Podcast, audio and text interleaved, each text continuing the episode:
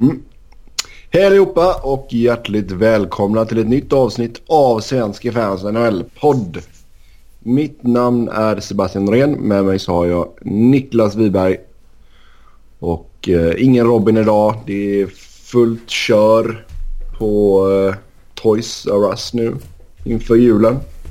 Så här Så vill man ha bra dag. service går man till BR Leksaker.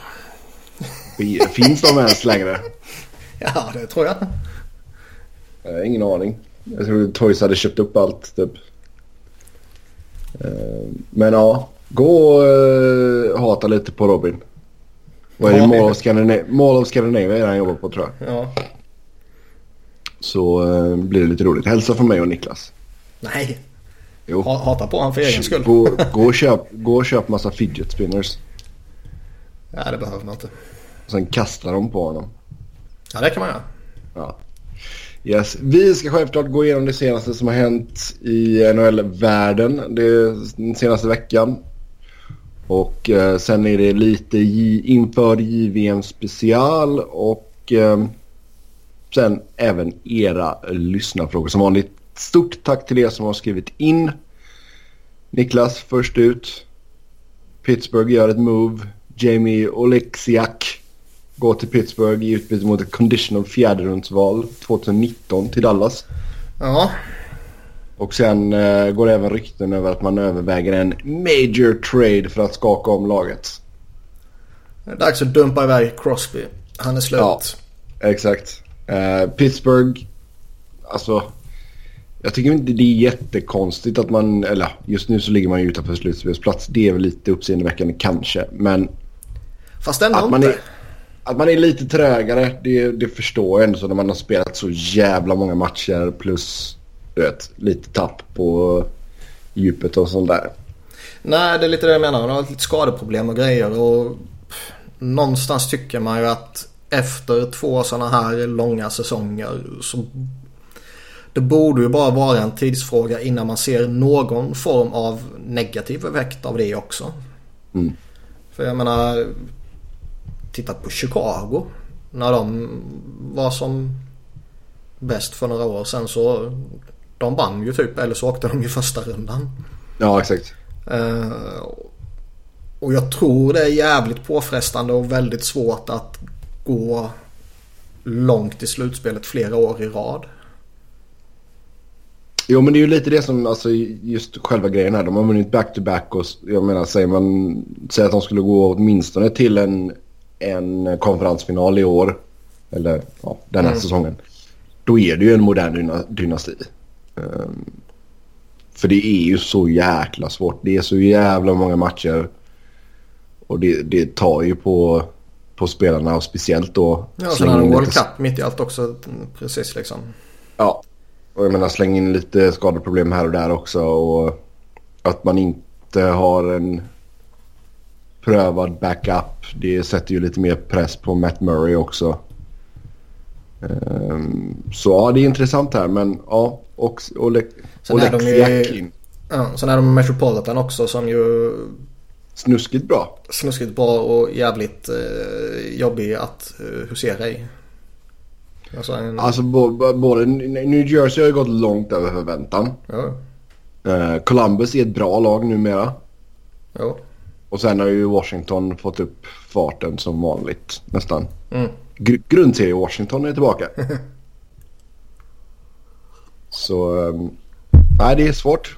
Alltså jag tror ju inte att de kommer missa slutspel. Det tror jag verkligen inte. Nej, det kommer reda ut sig. Alltså de har en för bra stomme för att eh, inte klara av det där. Lira på med Crosby, Malkin och Letang och Kessel och Hörnqvist och Matt Murray och sådär. När, när alla är tillbaka och i gott slag så... Jag ser ju inte det som några problem för Pittsburgh. Det handlar ju bara...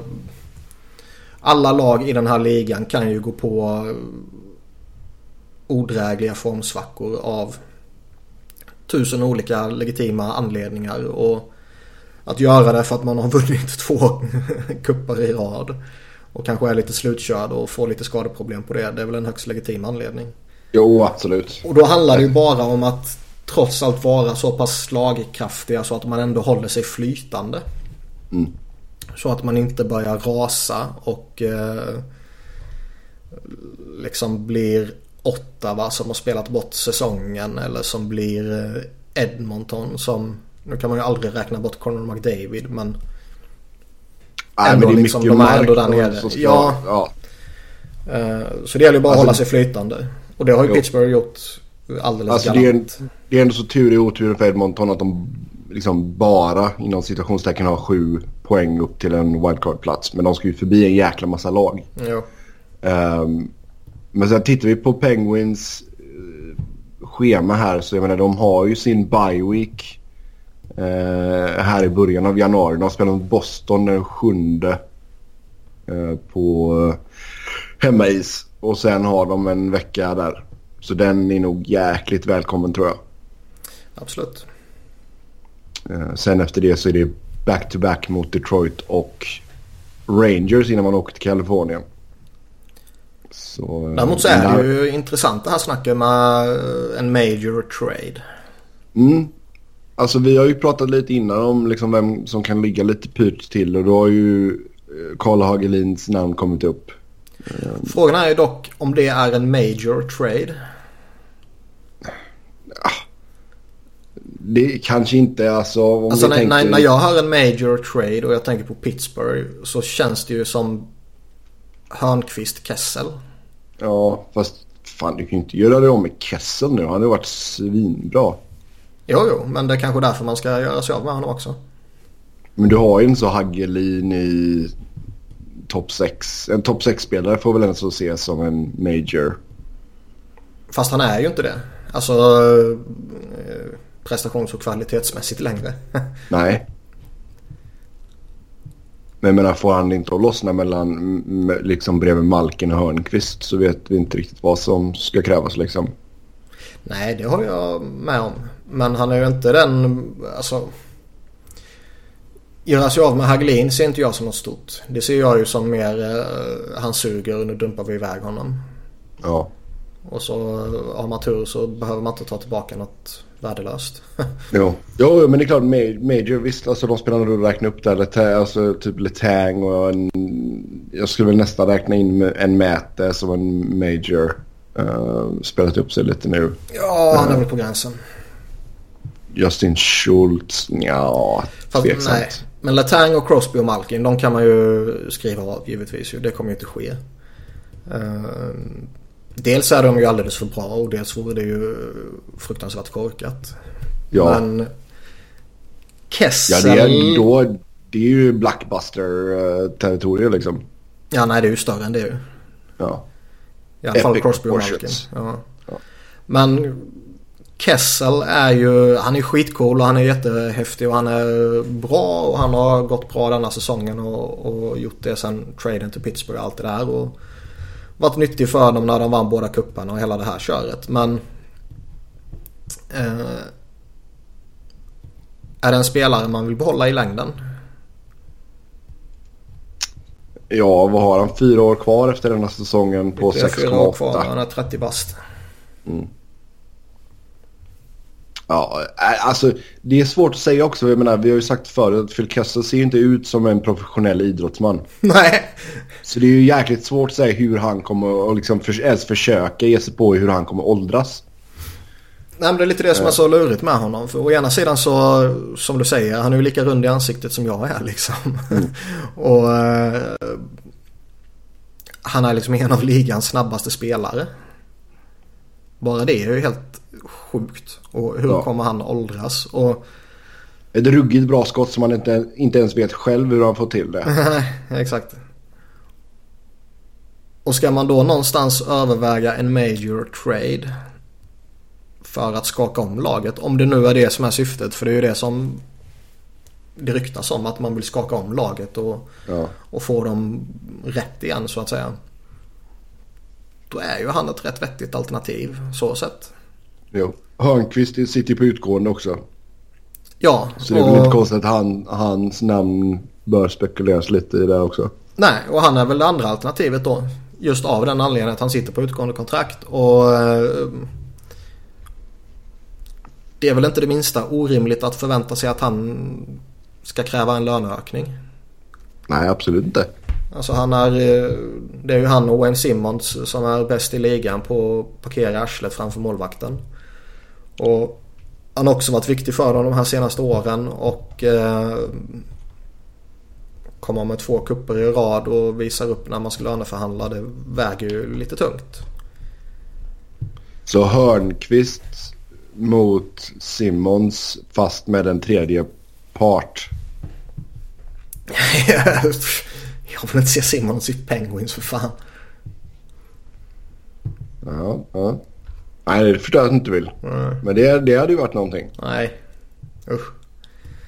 Nej, men han, han är också, det, det, är väl de två som jag som sagt som jag kan se om man ska göra något major. Um, Kessel för att det kanske finns lite sådär uh, långsiktiga och uh, nu minns jag inte vad det i somras eller var det i förra säsongen? Jag minns inte när det började ryktas lite kring honom redan då. Mm.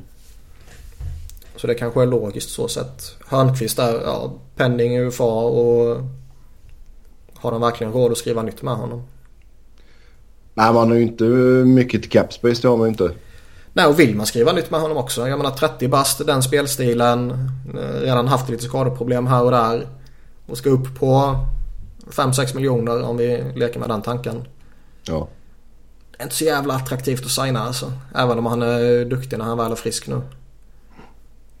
Ja, alltså skulle han gå till öppna marknaden så tror jag han lätt skulle kunna kamma hem 6. Ja, kanske. Mm. Ja, det är intressant att se. Vi får se vad som händer där. Eh, sen... Um... Och Lexiak dock känns ju...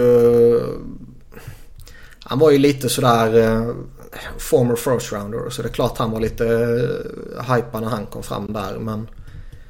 Alltså... Enda gången man har hört talas om honom de senaste åren är ju typ när syrran vann OS-guld och grejer. Ja. Han kan ju inte leva på hennes efternamn hela karriären. Nej, exakt. Däremot är det väl en sån där spelare som uh, någon beskrev honom en reclamation project typ. En sån där som har kört fast någonstans och så tar man in och så kanske det är ny omgivning. En vad det framstår som väldigt kompetent coach. Uh, spelar bakom några rätt vettiga centrar och wingers och sådär. Så ja, det kanske lossnar helt enkelt. Ja, jag menar till den, han är ju där på en billig peng också och lirade, gick in i tredje paret liksom. Så det är ju inga problem kan jag tycka. Nej, det är värt en chansning. Absolut. Ja, eh, till Ottawa. Där eh, det är allt förutom lugnt. eh, kan baka ihop allting här lite tycker jag. Eh, ägaren Eugene Melnick var ute och svinga i pressen häromdagen. Kritiserade fansen och hotade att flytta laget. Eh, sen går det snack om att Mike Hoffman kan vara tillgänglig för en prospect eller ett pick. Och att Mark Stone är tillgänglig. Um, som sagt, Melnick är ju... Skulle vi kalla honom för ligans snålaste ägare? Ja, han är väl både snålast och fattigast. Ja. Han liksom går ut och säger att han tänker inte bränna sina hårt liksom pengar som han har kämpat för för att lägga det på ett hockeylag. Fast det blir, det blir lite eh, hyckleri när han å ena sidan blir förbannad på Erik Karlsson vad det verkar som. Att han går ut och kommenterar att Nej, men jag tycker jag ska ha vad jag är förtjänad att få. Mm. Och några dagar senare går han ut och svingar rätt vilt. ja, nej, konstigt. Det verkade som... Eh, vem var det? Det måste ha varit Elliot Friedman tror jag. Som beskrev lite när Murray fortfarande var GM för Ottawa eller när han eh, senare var eh, advisor eller vad hans titel var. Så lyckades ju han hålla Melnick under schack i alla fall. Mm. Det var i, under slutspelserien här mot Pittsburgh där han var på väg att storma ner i omklädningsrummet och vad fan det var och han lyckades uh, finta bort honom. alltså Murray lyckades finta bort uh, Melnick på något sätt. Och under all sin tid i Ottawa så verkar han ändå ha haft Melnick under kontroll på något sätt. Vilket ju mm. får en att undra hur fan vad skulle ha hänt om Murray inte skulle lyckats hålla Melnick under kontroll. För det är ändå... Det är ju inte sista tre månaderna som det har börjat pratas om Ottawas skrala ekonomi eller dåliga förutsättningar. Ja, nej, nej, nej. Arenan ligger ju en, eh, en bra bit utanför centrum till exempel. Så bara det ställer ju till dem för dem. Eh, en, en riktig arena mitt inne i centrum underlättar såklart. Och det, det är ju inte utsålt och fullsatt var och varannan dag direkt. Och nu när han har gått ut och, och svingat här Melnick så fick han ju föga förvånande supportrarna emot sig. Att eh, liksom tycker de då att ja, men om han inte tycker att vi stöttar honom varför ska vi då stötta honom typ. Och så skiter de i att gå. Och jag menar då kommer det ju bli ännu värre. Men alltså jag förstår inte alltså. Så alltså. Han är värderad. Ska vi se. Han ska ha en net worth på 1,2 miljarder dollar. Uh, och är rankad 79 över Kanadas 100 rikaste män. Eller mm. människor. Och vi kan för övrigt säga att han bor på Barbados just nu. Mm. Trevligt. Det vill jag också göra. Um, men alltså ändå så är han så jäkla snål. Jag menar han har ägt klubben sen vad, 2003? Ja, 2003. Om jag har förstått saken rätt och jag är på inga sätt djupt insatt i Eugene Melnicks eh, ekonomiska förutsättningar. Men om jag har fattat saken rätt så har han, eh, är hans eh, tillgångar uppbundna i eh, typ Ja, okay, företag cash, eller cash ja, han har dåligt cashflow. Ja, okay, liksom okay. uppbundet i, i, andra företag eller byggnader eller sådana där saker. Tyvärr så har vi ingen personlig erfarenhet av att vara så snuskigt rik. Um... Ja, tala för dig själv. Så ja, okej. Okay. Men lite dåligt cashflow då om andra ord. Um... Ja, det är vad jag har förstått. Och uh, sen verkar det som man säger så att varför ska jag pumpa in mina egna pengar för? Om inte typ om inte supportrarna är redo att uh, göra det, varför ska jag göra det? mm. Ja, det är extremt konstigt. Och som sagt, um, skulle man dessutom bli av med Hoffman och Stone så... De kan man ju undvara om man jämför med Erik Karlsson. Ja, om du, men du ska ju få bra utbyte också. För jag menar, vi har ju sagt det nu att jag menar, du går ju inte in i en rebuild här nu när du har Karlsson ändå. Och ska du förlänga med Karlsson då skulle du ju ändå så håll, försöka hålla det slagkraftig. Jo, det är klart. Så, frågan är ju vad man kan få utbyte för de två herrarna då ifall man känner att det är de två som behöver lämna för att man ska kunna göra en push. Fast om det stämmer det här att Mike Hoffman är tillgänglig för en prospect eller ett pick. Mm. Så borde han ju varit bortbytt för länge, länge sedan. Ja. Ja, för honom ger det väl, alltså för Mike Hoffman ger det väl upp en ganska bra prospect kan jag tycka. Ja, även om han är lite sådär, uh, han breakade ju relativt sent så han är ju redan 28 år. Mm. när man tänker på hur att han egentligen bara haft en handfull bra säsonger i ligan. Så ja men han är 24-25 typ. Men uh, han är lite sådär smyggammal också. Så man vill kanske jo. inte spränga banken för att få honom så sett. Men om det bara är någon standard prospect och någon uh, eller ett, en first rounder då förmodligen för att få in Mike Hoffman som har legat uh, precis under 28 30, mål. Ja, tre exakt. senaste. Ja. ja. Och då eh, få möjlighet att få in honom. Och man vet att man har honom i uh, ytterligare två säsonger efter den här säsongen för drygt 5 miljoner bara. Det, är du en contender så det är lugnt värt och priset att betala ju. Ja absolut. Är man däremot en sån här uh, klubb som kanske vill plocka in honom för att låta honom växa med laget. Typ tänker Arizona liksom. De är ja nej det är ju en dålig fit. Ja. Men för en bona fide contender. Det var ju någon som snackade om Edmonton, slänga in honom jämte Conor McDavid och man kommer ju förmodligen... Ja, rimligtvis bör det ju gå i brallan för Edmonton support. Jo, exakt. Ja, eller alltså... Säg att du skulle byta ut... Om du är i Toronto, att du tar in Hoffman och skickar JVR. Fast jag tror att om... Eh, om Ottawa ska göra någonting så handlar det nog förmodligen om att göra sig av med lön för att ha råd att signa Karlsson. Jo, men du kan ju flippa uh, JVR vidare. Ja, jo, jo. Men antingen det eller så vill man ha tillbaka spelare som är uh, signade. Mm. För det man gjorde med uh, Turris Duchene-traden här var ju att uh, köpa sig lite mer tid innan man behöver skriva ett kontrakt typ. Ja. För nu fick man ju en Duchene som var signad längre tid än vad Turris var. Och då slapp man signa upp och binda upp massa pengar på honom utan istället så sköt man det problemet framför sig. Och jag menar vem, vem vet det kanske de gör med Duchene så småningom också.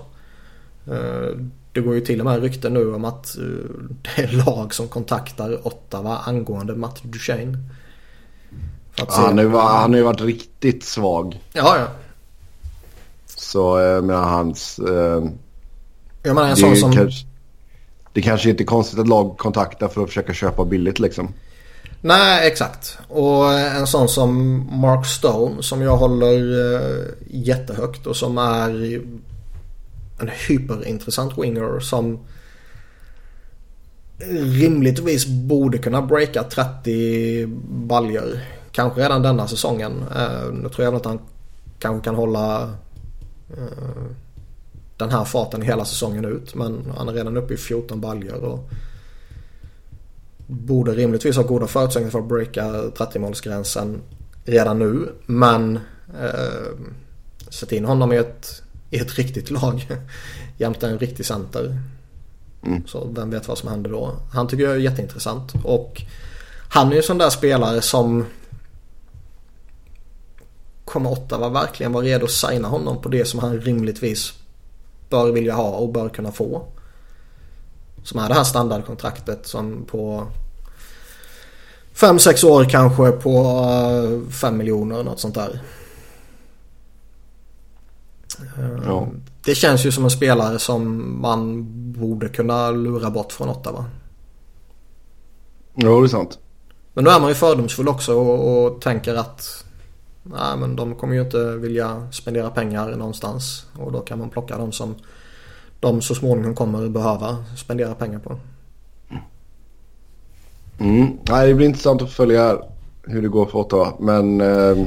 Det, blir, det är intressant också det här när, eh, när Erik Karlsson går ut och snackar om sin, eh, sina free agency alternativ eller vad man ska kalla det. Och pratar om att flytta och sådana saker. Eller någon annan gör det för den delen.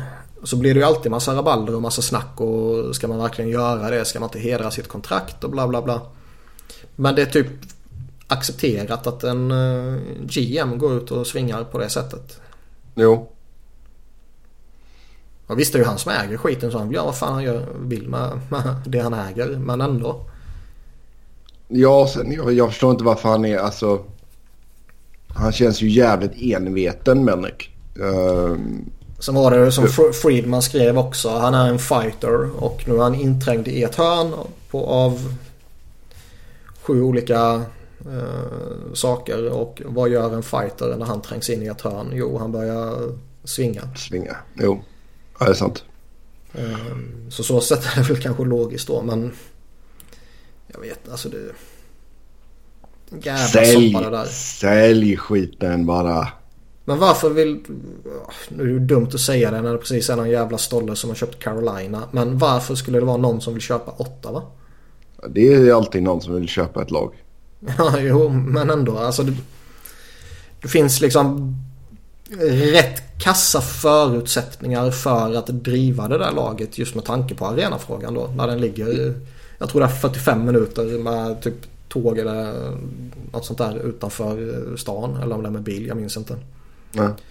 Uh, Jo men du kommer inte hitta några, du kommer alltså, det kommer aldrig vara några problem att hitta alltså, ägare tror jag inte. Speciellt inte nu när det bara går uppåt. Och jag menar Melnick, jag vet inte. Jag Fast vi vet ju också, alltså kanadensiska dollarn går ju inte jättebra. Vi pratade, var det förra Nej. eller förra, förra avsnittet minns jag inte som vi pratade det här med eh, Seattles expansion fee är ju 650 US dollar. Mm. Och det är ju typ 800 någonting kanadensiska då. Och ger man det ytterligare några år så är väl förmodligen nästa expansion fee då upp mot 1 billion dollars. Canadian. Ja. Mm. Och det är rätt mycket jävla pengar. Och någonstans tycker man väl då att okej okay, om det kostar så mycket att köpa in sig med ett nytt lag så ja. I runda slängar ska det väl kosta ungefär lika mycket att köpa ett befintligt lag då. Vilket man såg här med Carolina som om man jämför med Vegas och så här då. Ja exakt. Så det ja jag vet inte. Jag, jag, tufft läge för Ottawa alltså. Mm. Ja, absolut. Vi får se vad som händer. Jag försökte hitta vad han betalade för dem men jag får inte upp någon siffra där. Mm. Men, men. Eh, Jari Lehtere sägs vara tillgänglig i Philadelphia. Ja, det är väl inte så jävla konstigt. Nej. är det någon som vill ha honom i frågan? Dave Hackstall vill ha honom. Ja, grattis. Och finns det en idiot så kan det alltid finnas två idioter. Mm, det är så du tänker. Mm. Nej, alltså förvånansvärt många och inte bara massa galningar utan för, förvånansvärt många liksom, etablerade journalister har ju typ fått för sig att traden var Braden Chen mot Jori Lehtara rakt av. Ja, det var ju helt... Han var ju bara en throw-in. Lehtara var ju bara en capdump för Blues. Ja, e- exakt. Morgan Frost har ju som spelaren som de plockade men efter traden då är ju han trasar ju sönder i OHL. Han är ju skitbra. Och de har ändå en first rounder kvar från den traden också. Så det var ju de två som var huvudanledningen. Plus att man behövde skapa sig lite, lite bättre förutsättningar mot lönetaket över tid. Ja. Men Lehtara han har ju varit klappkass givetvis. Jag trodde faktiskt han kunde vara aningen bättre än han har varit. Att han skulle gå in och, och göra de här 44 poängen och sådär som han gjorde i debutsäsongen. Det, det tror jag inte riktigt på. Han har lirat med Tarasenko och Tarasenko är ju... Han är ju på nivå som ingen i Flyers är. Även om Jake Voracek nu har kommit tillbaka som en elite winger här så ju, har ju fortfarande Tarasenko högre. Ja. Och han, har ju, han lyfter ju Lehtera och Tarasenko har ju lyft Braden Chen denna säsongen. Så jag menar... Uh, förutsättningarna där var ju helt annorlunda. Men jag trodde ändå han skulle vara lite bättre. Men han har ju... Nej fy fan vad usel han har varit. Och att man bara har en coach som ens tycker det är vettigt att spela honom. Jag, jag, ah. Ja, vi vet att du, du och många andra Flyers-supportrar är frustrerade med er tränare. Uh, det är kanske inte är så konstigt. Sen, sen ska jag säga Lehtara, om man inte lyckas trada honom nu, vilket jag har svårt att se. Och lyckas man trada honom så är det ju byta skräp mot skräp. Så lyckas man inte trada honom då kommer han nog bli utköpt till sommaren. Det, mm. det känner jag mig rätt övertygad om. Mm, en säsong till capita på 4,7 mille. Ja, och det är inte så farligt att köpa ut honom till sommaren heller. Nej. Och då försvinner äh. RJ Umbergers uh, utköp efter den här säsongen också. Så. Ja. Okay, ja, då så. Det är inte så farligt. Mm. Uh, Winnipeg ska vara redo att släppa Sean Mathias. Mm. Uh, de går ju rätt... Ja, och de går ju rätt bra nu och han har väl haft lite tufft att ta sig in i det där laget. Så eh, det är väl då tämligen rimligt att man inte vill ha en sån spelare utanför laget som ändå sitter och tuggar lite eh, lön och lite plats under lönetaket så att säga. Mm, 2,1 miljoner lite drygt där i cap hit. Uh, penning UFA som vi sa. Ja, alltså men det, känns som, det känns som sådär typisk spelare som eh, en veteran som har gjort rätt många år i ligan och som har det är inte ja, han är inte fantastisk så att säga men ändå, han känns ändå som ett namn som Ja, men det är en bra spelare för djupet. Jag, jag tror många resonerar så. Så det, han känns ju som ett typexempel som någon plockar in framåt trade deadline för att nu får vi bättre djup med honom i vår fjärde kedja. Mm. Och jag tycker han är tillräckligt bra för att hålla en ordinarie roll sådär. Eh, sen är ju Jets lite intressanta så tillvida att de har ju faktiskt lite lite yngre spelare som de släpper fram och ger lite, lite chanser. Och, eller lite mindre etablerade också. Alla är ju inte jätteunga. Det är ju några som är några år över 20 i alla fall. Ja. Eh, så de tjänar väl mer på att släppa fram dem än att släppa fram han. Utan att han för den skull är klappkass. Mm. Uh, ska vi se, vi har, Daniel skrev i chatten här att uh, Melnick köpte dem för 92 miljoner. 2003. Så tack för att du fixade fram den siffran. Så 92 miljoner, han skulle kunna tjäna en jävla massa pengar. Ja, han borde väl... Det borde väl vara i hans intresse att sälja laget om det nu ja. är så uselt som han ger sken av. Och, du, eh, tänk så många drinkar du kan få på Barbados för de pengarna. Eh, exakt. Många paraplydrinkar. Eh, exakt. Och jag menar det, alltså... Rimligtvis oavsett oavsett vad han tänker och tycker själv så borde det ju rimligtvis hänga orosmoln över ägarsituationen. Om man är spelare, om man är ligans bästa back och man funderar på om man ska signa nytt eller inte signa nytt. Och man vet att den här ägaren vi har, han är snål och han är galen och han kanske inte ens vill ha laget. Vem vet hur nästa ägare är? Jo, men det känns ju som att det är lite det som är grejen också för att återgå till, nu går vi tillbaka till Senators här, men alltså om du är Erik Karlsson och du känner att fan jag vill ändå så, jag vill vinna. Jag vill, jag vill ge mig själv en, en bra möjlighet att, att vinna Stanley Cup innan jag lägger av. För detta är ju antagligen hans sista eh, kontrakt. Jo, det kanske, kan, kanske att han har ett till i sig när han är gammal där, men eh, alltså då ska du inte stanna i åtta va? Nej, nej. Sen är det ju det här, alltså vi har ju resonerat så rätt många gånger men sen signar de ändå i, i hemmalaget så att säga. Det finns en trygghet där och uh, investerat tid där så att säga i stan och allt sånt där och har väl skapat sig någon form av socialt liv och jo. fassa och hela det här köret så då, finns det ju en trygghet i att stanna kvar. Men Jo, men alltså, det, ägarsituationen det, det påverkar skulle... ju... Alltså ägarsituationen påverkar ju förmodligen tror jag mer än vad man eh, tänker på som supporter. Eh, anledningen till att Flyers var så pass attraktiva som man var för spelare att komma till har ju Ed Snyder en stor del i. Men det är inte så att Karlsson behöver oroa sig för att han, om han går någon annanstans, att han kanske kommer försvinna liksom. Det är inte så att han säger att... Uh, vi säger att han går till UFA då så signar han med... Uh, säg ett lag. Flyers. Okej, okay, han signar med Flyers. uh, sex år. Uh, det är inte så att han behöver oroa sig för att han bara kommer göra ett år i Flyers och sen kommer de dumpa honom liksom. Nej, nej, men jag menar mer att Liksom, så jag menar, va, visst, det blir en omställning jag, att du flyttar och allt Jo, där, men, alltså. men jag menar mer va, varför ska man signa med Ottawa när man inte vet organisationens framtid? Nej, det är helt sant. För även om Melnick Alltså behåller Melnick lag, säg att Karlsson skriver ett åttaårskontrakt med, med dem. Och Melnick är kvar under de åtta åren så rimligtvis är det kanske inte jättemycket som för, kommer förändras. Nej, det är ju det som är grejen. Han kommer inte sätta ja. laget i, i, en chans att bli en bona fide contender liksom. Nej. De pengarna, de pengarna kommer han ju inte att spendera. Nej, förmodligen inte.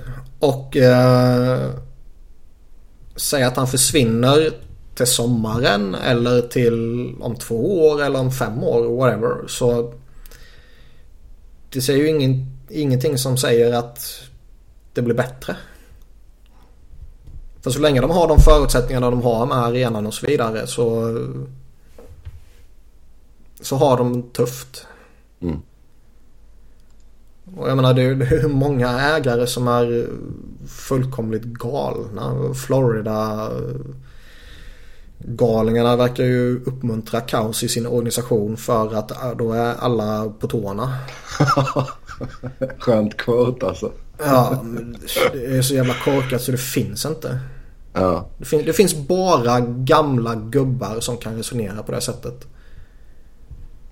Ja. På riktigt. ja, det är sant. Yes. Uh, ja, vart var vi? Sean Mathias var vi på. Ja. Ja, vi behöver inte säga så mycket mer där. Uh, när vi ändå så är inne på center-spåret igen så Derek Brassard placeras i både Columbus och Pittsburgh. Vore det vettigt? Ja, det tycker jag känns vettigt. Ja, jag tycker han är en klart kompetent spelare och jag tror att han... Jag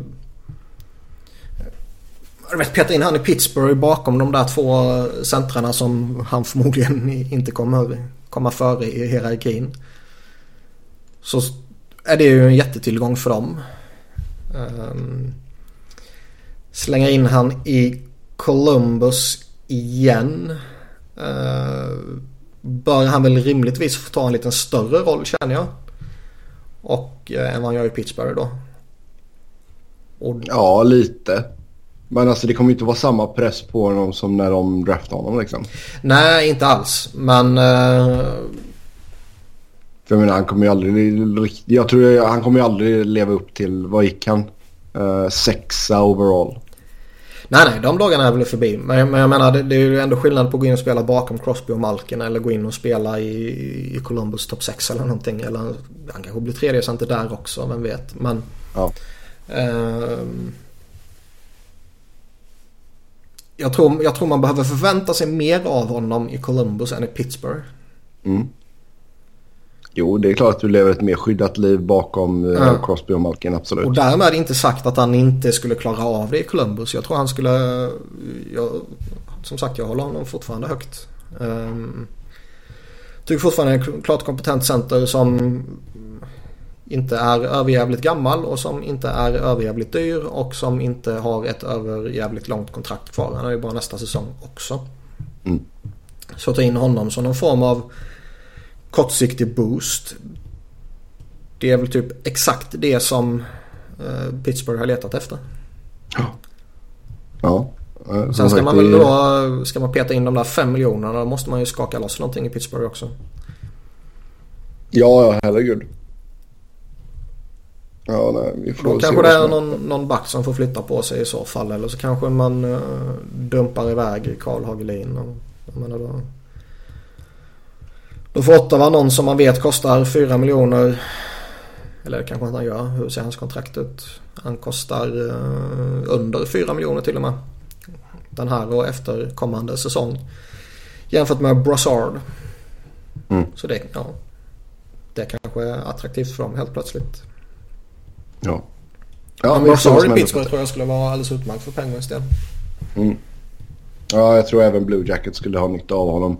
Sen så finns det ett stort, eh, eller det ryktas att det finns ett stort intresse i Aaron Dell eh, i San Jose. Att han kan bli nästa backup-målvakt som tar klivet och blir en första målvakt. Har ju gjort det oförskämt bra när han väl får spela för Sharks.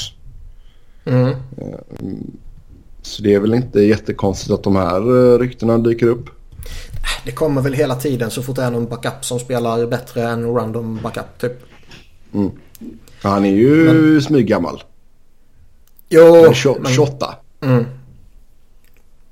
Men det, ja. Jag vet inte, ska man gå efter en sån här spelare så... Det är, det är alltid en chanstagning.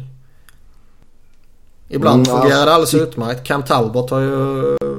Nu har det väl inte varit så jättebra denna säsongen men det är ju långt ifrån mm. hans fel helt och hållet så att säga. Jo, men över det hela har han ju varit bra i Edmonton ju.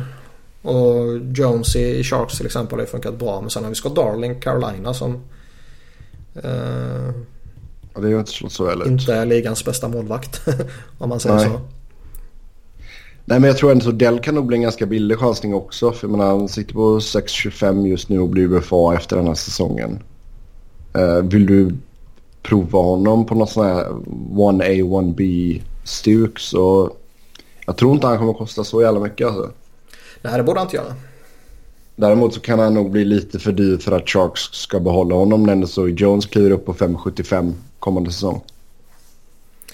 Ja, som jag pratat om tidigare, Vlasic så jag trycka på några miljoner också. Mm, han ska upp på 7 där så det är nästan en höjning på 3 mille för honom. Ja. Så, uh, mm. Men som sagt, gjort det väldigt bra när han väl fått spela. Mm. Sitter på fin, fina siffror och det är ju alltid trevligt för en målvakt. Uh, Vancouver överväger sig att göra sig av med uh, Eric Goodbranson. Det är väl inte heller någon direkt chock kan man väl tycka. Alltså både och.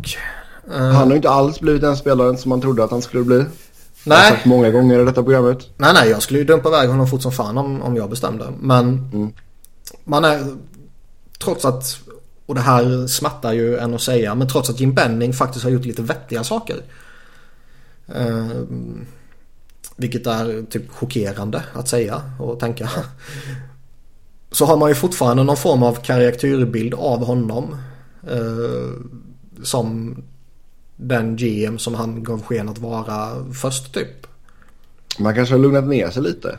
Jo, men han känns... Jo, eh, lugnat ner sig. Men han känns ändå som den här old school eh, snubben. Och de värdesätter Good Branson. Så å ena sidan så känns det som att varför skulle ni inte vilja behålla honom för? Å andra sidan så, oh, jättebra att ni inte vill behålla honom. Göra av med honom och lura på någon annan honom. Jo. Nej men alltså jag kände alltså nu Tane är vi ju ute nu. Uh, men alltså kommer Tane tillbaka så då vet jag inte ens. Då ska väl Goodbranson vara din sjunde, sjunde back. Ja. Kan jag tycka. Och då sitta på 3,5 miljoner det är ju alldeles för dyrt. Det är lite roligt nu för nu har man ju lite skador. Uh, på bland annat Bo Horvath då. Så uh, Sam Garnier är uppe och lirar första center.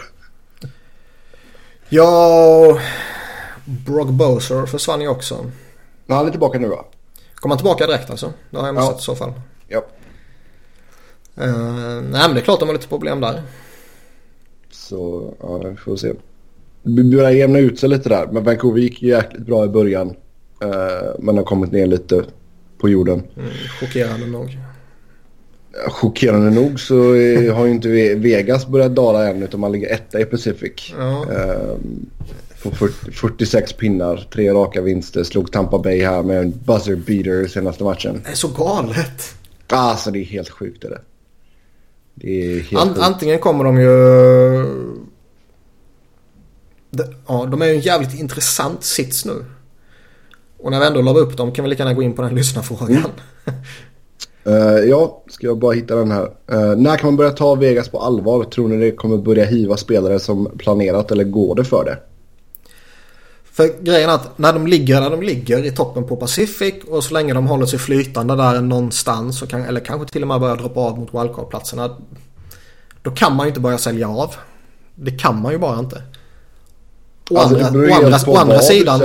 Jo men å andra sidan så för att bygga något så bra som möjligt över tid så måste de ju sälja av. Om, ja, om man förenklar det. Jo, jo, och sen är det ju alltså... Du har ju satt dina tradable assets i en jävligt bra sits. Alltså få mm. ut maximalt här. Absolut. Nu har inte jag mycket till för George McPhee som GM. Nej, nej. Men alltså till och med han borde ju kunna pricka in någonting rätt här kan jag ju känna. någon, någon enstaka grej kanske han kan få rätt av misstag. Exakt, för jag menar du borde kunna få en ganska bra, ganska bra haul för James Neal till exempel. Nej men de har ju bra tillgångar så de kan skeppa vidare och jag menar det konstaterar vi ju även när de byggde ihop det i expansionsdraften att nej, men här finns ju pusselbitar man kan skicka vidare helt klart. Alltså han är och, fortfarande bedrövliga backar. Det är ju jo, men även, att de har spelat så pass bra. Ja, jo, men även, alltså det finns ju spelare man kan skicka vidare och man kan få någonting för. Du kan få picks och prospects och du kanske till och med kan få någon färdig yngre spelare så att säga. Men och det, det borde man göra för att försöka bygga något så vettigt som möjligt över tid. För jag kan hur bra de än går nu så kan jag ju verkligen inte se att det här lagbygget är slagkraftigt över tid. Och 30-talet matcher räknar jag ju inte som någon jättestor sample size. Nej. Så frågan är ju, kommer det här hålla i 82 matcher? Eller kommer de börja krascha efter 50 matcher? Jo men alltså eh, det är väl lite så alltså även om du alltså så länge som du tar det till slutspel och ändå så säljer av spelare så är det en enorm jävla framgång. Ja men kan man kan man både ta sig till det slutspel och sälja? Alltså ligger du bra till runt deadline så ja det är väl inte så helt orimligt att tro att du kan liksom ändå så Jag vet fan alltså, det, det, det en ligger ändå några ja, Det ligger ändå några tunga lag bakom dem. Alltså ja. Chicago, Minnesota på wildcard-platserna just nu och sen Dallas, San Jose och Anaheim precis bakom där. Och vi pratade om Edmonton precis. Jag menar Conor McDavid kan ju mycket väl börja lyfta dem. Jo. Men alltså du har ju inte så, alltså eh, James Neal borde du casha in på. Mm. David, per David Perron samma sak, han är fan point per game. Mm. Så de två ska ju bara bort egentligen oavsett hur det går. Och nu är deras trade value borde ju vara riktigt bra. Och sen typ... Jo, jag håller alltså, med dig. Men jag tycker fortfarande att... Colin Miller också gjort det oförskämt bra. Det är en annan kille som du egentligen kanske borde skicka. Absolut, jag håller med dig. Men jag menar bara att... Kan man liksom sälja av två, tre, fyra spelare eller vad det nu kan bli. Och ändå försöka hålla liv i den här hypen och framgångssagan och allt vad man ska kalla det. Jag är tveksam. Ja men där är det ju upp till McPhee att göra något bra också. För jag menar kan du få Ja, in- då är jag ännu mer tveksam. Ja exakt. Jo det är ju det som är problemet. Men jag menar kan, kan du få in en... För all, alla hans planer grusas ju nu. Jo absolut. Han kan alltså, du- omöjligt ha gått in i säsongen och förväntat sig att... Eh, ja men vi ska vara topplag. Jo. Nej men säg, säg, att, säg att du får ett, ett första rundsval för James Neal. Det känns ju inte helt eh, ologiskt. Kanske Ja. ett första val och en gedigen prospect. Kanske eh, B-level prospect. Och sen att du kan få in en B plus prospect för Perron och något mellanpick liksom. Ehm, så det, det är ju sånt som skulle gynna föreningen i, i the long run så att säga. Ehm, Fast det känns bara liksom att... Jag har, jag har ju inget förtroende för det här lagbygget. Att det ska hålla 82 matcher. Och plocka bort de bästa spelarna. De få spelarna de har som på pappret är genuint bra. Alltså... Då gamlar man för hårt med den här säsongen. Och vill man verkligen göra det och kan man verkligen göra det? För he- hela, fast- hela grejen med att etablera ett nytt lag någonstans är ju att du måste få hype direkt. Och eh, du vill gärna få någon form av relativ framgång. Tämligen omgående. ja, alltså det skulle Och- sätta en jäkla press på kedjan med William Karlsson, Mar- Marcus och Riley Smith. Jo, Absolut. Men samtidigt så... Jag vet inte, alltså det känns ändå Alltså, så jag vet att ju- man har gått, i och med att man har gått så pass bra så fan frågan är ifall man inte kanske kan undanvara de två och sen liksom... Eller så är det ju bara en tidsfråga innan det slutar gå Ja, så bra. Och kan man verkligen undvara dem då? Fast samtidigt så fan tapp, du kan ju inte tappa båda dem för ingenting liksom. Nej, det är ju därför det är så intressant sits och så intressant diskussion. Och det känns ju inte som att du kommer förlänga med någon av dem heller. ja, alltså som det har gått nu så kan man ju faktiskt inte... Uh, nu tappar jag ordet. Utesluta någonting. Nej. Men jag menar, si- signa upp Neil på liksom fem plus år till, ja, vad ska han upp på? Sju kanske? Fast grejen är att om man tittar på deras lagbygge över sikt. Så har de ju rimligtvis inga problem att ta något sånt där kontrakt. För de kommande åren borde det vara rätt många entry level kontrakt. Ja. Jo visst okej. Okay. Det skulle vara om man behåller Neil då som någon form av fixstjärna liksom. Ja de har han och så har de Fleury och så har de eh, två stora namn som kan vara the faces of the franchise typ. Ja. Och sen kommer det lite prospects uh, över tid och sådär. Och vem vet, de kanske prickar rätt i någon draft här och där. Men det är jävligt intressant alltså. Jag vet själv inte vad jag skulle göra. Nej. Och jag menar egentligen alltså Marcel skulle ju säkert kunna ge ett jävla hål också. Mm. Jag menar sitta Tveklöst. på 700, 750 000. Alltså det kontraktet. Um, så med honom hade jag nog hellre försökt behålla en James Neal tror jag. Jag vet inte. James Neal känns ändå... Ja, han är ju proven på ett helt annat sätt. Ja, jag tänkte säga det. Man vet lite mer vad man får av honom på ett sätt, tror jag, som eh, man inte känner att man har i Marshall. Mm. Även om han, eh, han har varit bra även i Vegas. Det var ju förmodligen inte bara ett fluke han hade i, i Panthers. Men eh, det känns ändå som att Neil känns man mer trygg med. Mm. Och alltså de, ja. I princip alla lag som är intresserade av att spetsa till sin topp 6 eller någonting eller topp 9 eller vad det nu kan vara. Men en winger som kan göra lite mål. Alla har ju möjlighet att peta in 750 000 under capen. Oh, ja. Men alla har ju inte möjlighet att peta in James Neals 5 miljoner. Även om det såklart avtar ju längre in på säsongen man kommer och sådär. Så. Mm. Det är inte ett så stort problem som första anblick kanske indikerar. Men Marchessault borde ju alla kunna lösa in utan att ge upp någonting från befintliga rosten. Det kanske man måste göra med Neil. Jo, det är sant. Nej, jag har fortfarande sålt av. Alltså, du kan inte... Du måste tänka långsiktigt här. Och som sagt, kan man, kan man bara hålla sig... Ja, jag, jag, jag, jag är inne på det också. Men som sagt, jag... Jag skulle vara skraj som fan för att ge upp den här säsongen. Med tanke på hur det har gått, vilken hype det har blivit. Tugget som är av Vegas. Man har lyckats sälja in det lokalt och hela det här köret också. Det, är ju, det verkar vara helt omöjligt att kunna få biljetter och hela det här köret ju. Ja. Och ska man då riskera att sabba det?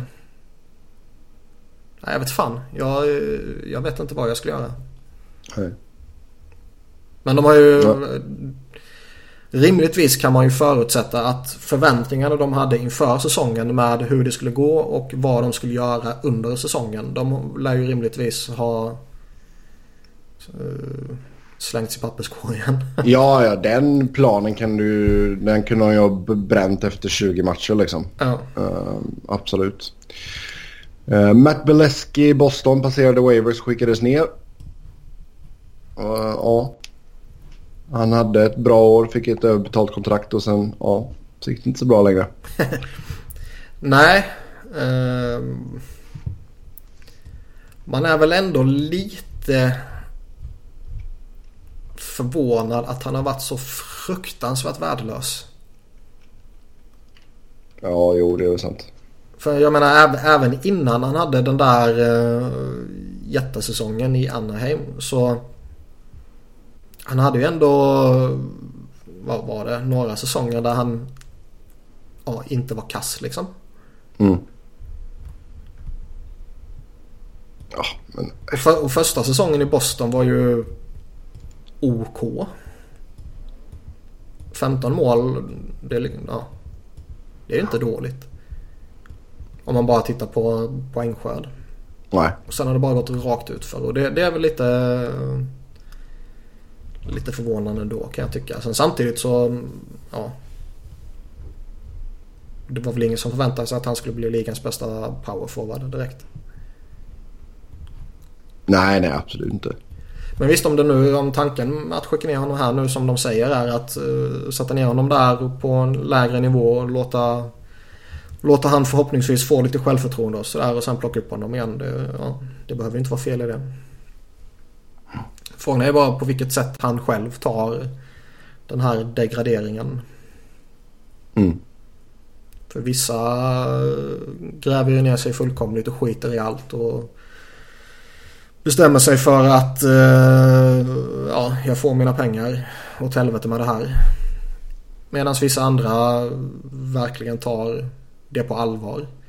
Jag menar jag, jag är ju extremt kritisk som du vet till Andrew McDonald till exempel. Yes. Men när han skickades ner till AOL så han ska ju varit ett extremt föredöme för de som var där nere. Och har tag, tog det på helt rätt sätt och det ska han väl ha cred för.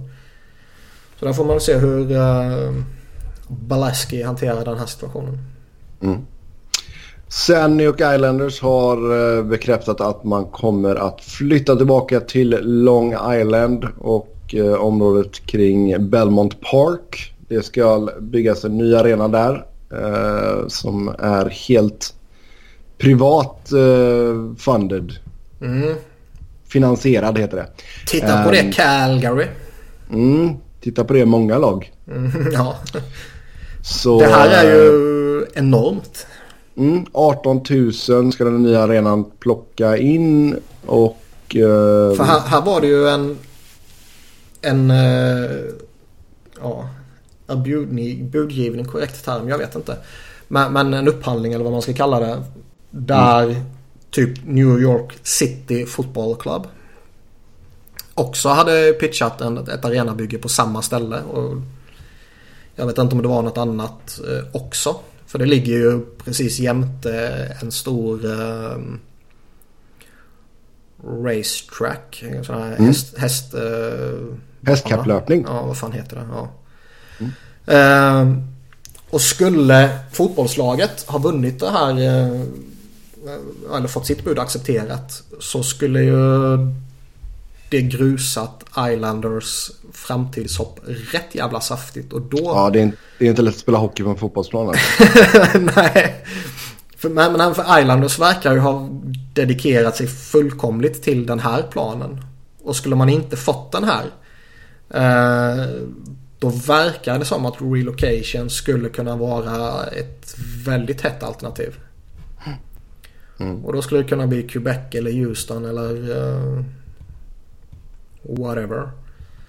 Men uh, nu fick man ju det accepterat och alla jublar och Islanders är överlyckliga och uh, det är som de själva säger lite att nu är de tillbaka där de hör hemma på Long Island. Ja, det är sant. En miljard dollar ska det kosta. Och eh, som sagt privately funded med Islanders och Oakview Group. Som har eh, bland annat Madison Square Garden Company som mm. en av sina investerare. Och där eh, kommer ju ytterligare en intressant twist då. För det här innebär ju också vad det verkar som att den här arenan i och med att det är Madison Square Garden och eh, vad heter han, James Nolan som eh, från Rangers också. Mm. Att de är lite involverade här skulle kunna göra den här arenan till ett nytt eh, alternativ för att pumpa ut stora konserter i.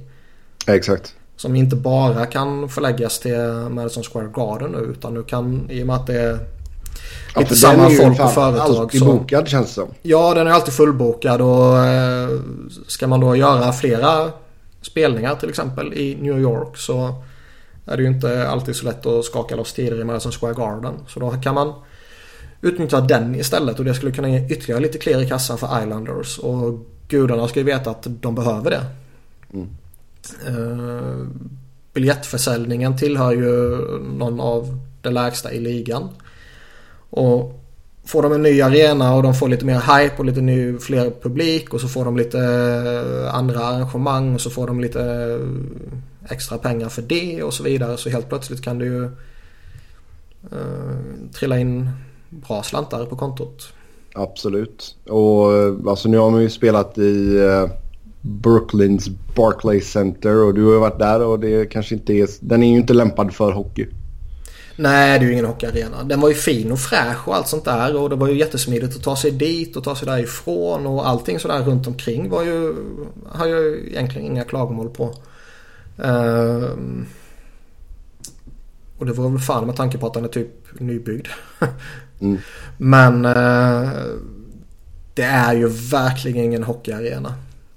Nu hade vi ju, när jag och Emil var där så hade vi ju superplatser. Vi hade ju andra sektionen, raden längst ner mitt, eh, ja, i höjd med mittlinjen så att säga. Mm. Så det var ju jättebra platser.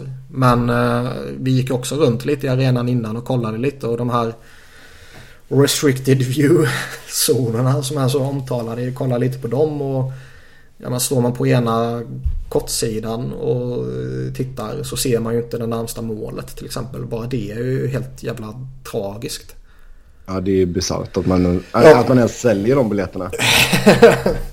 och när man sitter och tittar när man bokar biljetter och allt sånt där och, och så varnar de för platser som ändå är relativt i vilken arena som helst så skulle man se där.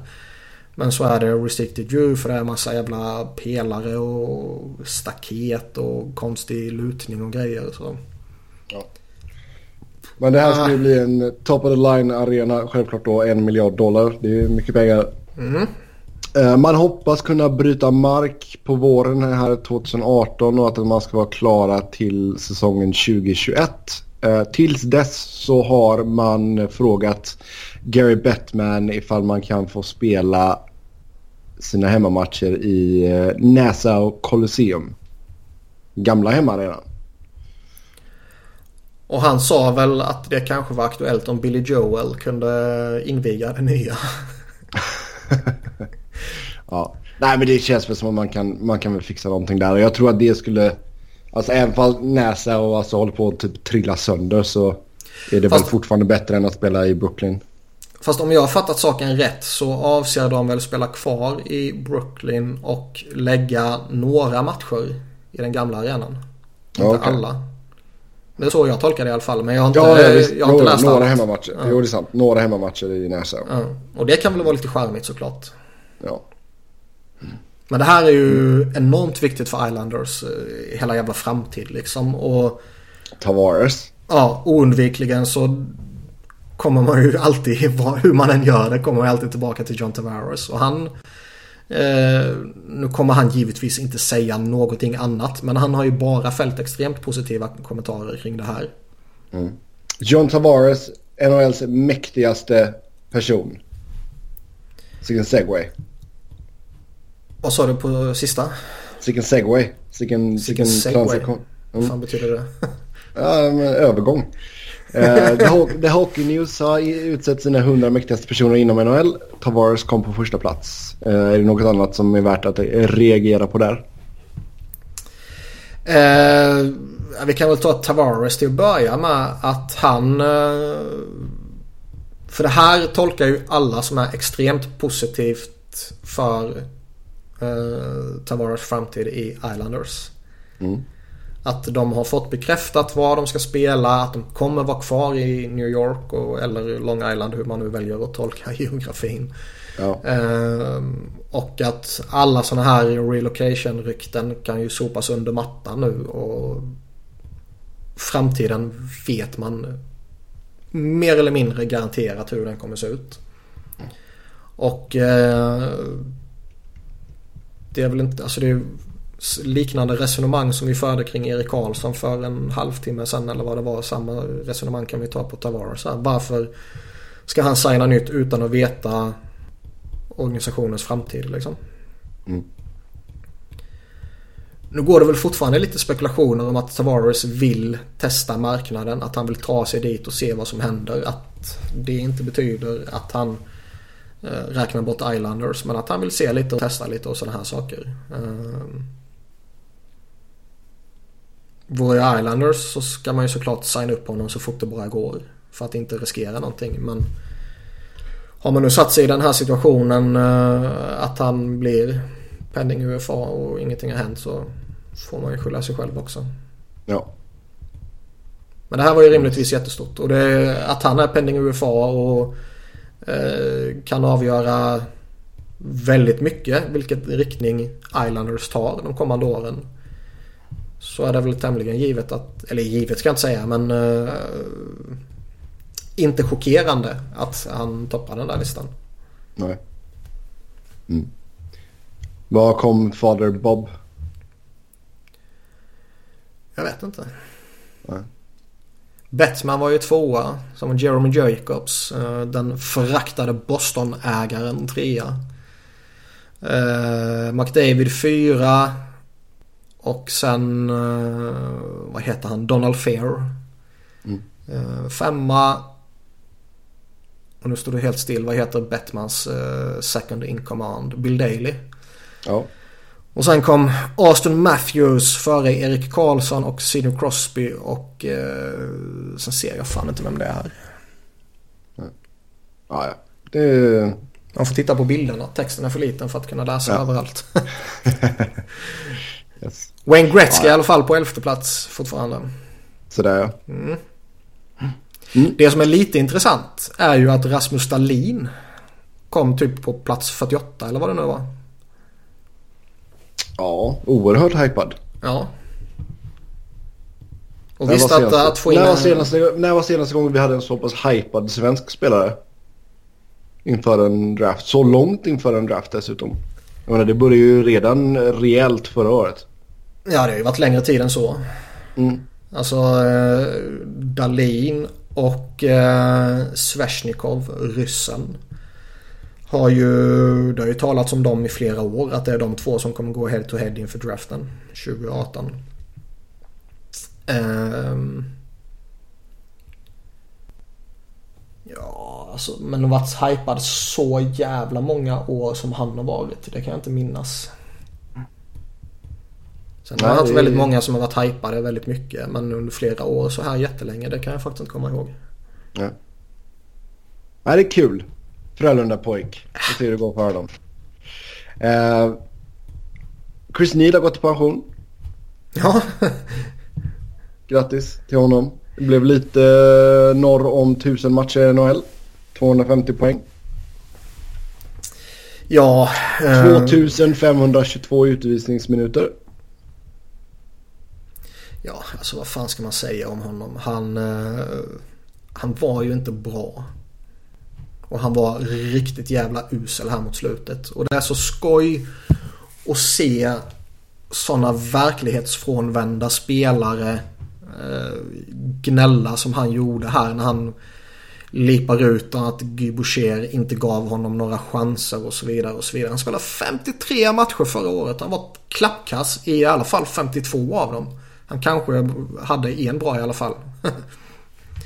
Men eh, han har ju inte varit bra mot slutet. Däremot var han väl för den rollen han hade och allt vad det innebär så var han väl vettig sådär under en stor del av sin karriär. Men här mot slutet har det ju... Äh, att han spelar kvar så länge som han gjorde det var ju bara någon form av lojalitet mot honom från organisationen. Mm. Sin eh, personbästa säsong gjorde han 2005-2006 då det blev 16 mål och 17 assist på 79 matcher. Tillsammans med 204 utvisningsminuter. Mm. Eh, det som är lite skoj också är ju återigen att han var så världsfrånvänd att han vägrar ta en tryout inför säsongen. Mm. Montreal har det visat sig hade ju erbjudit honom ett tryout-kontrakt. Vilket också, vad fan Montreal, herregud. Ja, Nej, det är helt sant. Ja. Eh, tillbringade hela NHL-karriären med Ottawa. Eh, draftades Det är alltid i lite respekt sjätte- dock. Det är alltid lite fint. rundan 1998. Ja. Det, ja. Så ja. Nu har vi dedikerat alldeles för lång tid till Chris Neal. Ja, det har vi. I tisdags var det på dagen 100 år sedan de första matcherna spelades i NHL. Eh, ja, vill vi säga någonting om ligans historia och framtid? Historien är mörk och framtiden är ännu mörkare. Nej då. Historien är charmig. Är att den Framtiden är- är, är ljus. Eh, ja, jag skämtar såklart. Men det är fan charmigt att gå tillbaka och läsa om begynnelsen liksom. Eh, jag har ju under hösten och, och vintern tryckt ur mig några texter och så här om back in the days och när man blev avstängd och bötesfälld och, och liksom 100 dollar i böter på 1920-30-talet. Det var liksom det var det största du kunde få typ. Ja. Och alla sådana här skador som skedde och överfall och det råa, brutala, direkt farliga spelet som faktiskt skedde. Och... Ja, alltså det är faktum att det tog så långt innan målvakter började bära, alltså började bära masker och du vet. Ja, och begyn i begynnelsen så var ju hockey as we know it. Eh, existerade inte i begynnelsen. Man fick inte passa pucken framåt, flygande byten var inte tillåtna och massa sådana här saker. Mm. Eh, man satte av sina utvisningar hela tiden fram till, jag tror det var så sent som typ 60-talet. När Jean mm. Bellevue gjorde, jag tror han gjorde hattrick i, i ett powerplay. och då bestämde de sig för att nej, nu gör man mål så får man komma in igen.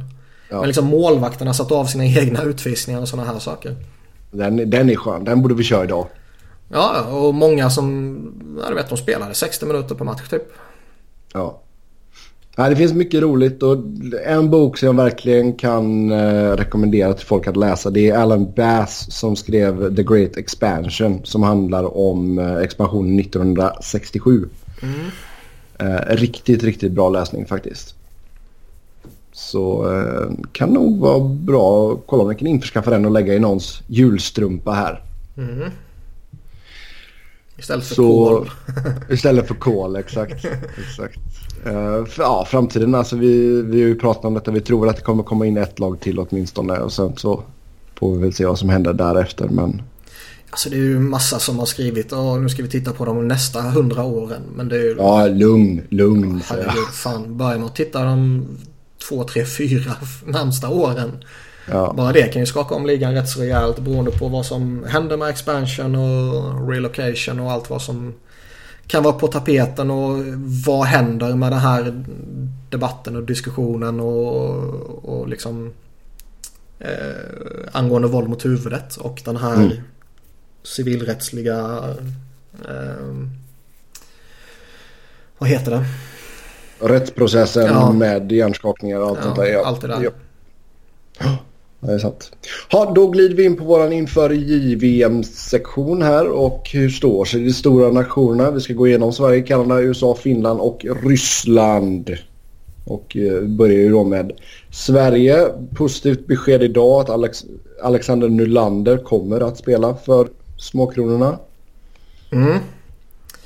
Eh, jag sa åt Micke Rosell att nu löser du det här. Ja, och Nej, men alltså det Där står han, så tacka mig. Ja, Tack Niklas. Nej, men alltså det, det, det var bra kommentarer som kom ut från Buffalo-läget också. Att liksom det här är ju bara positivt för honom. Ja, alltså. Fram till landslagsledningen bevisar något annat så är jag skeptisk till dem. Oavsett om vi pratar Tre Kronor eller Juniorkronorna.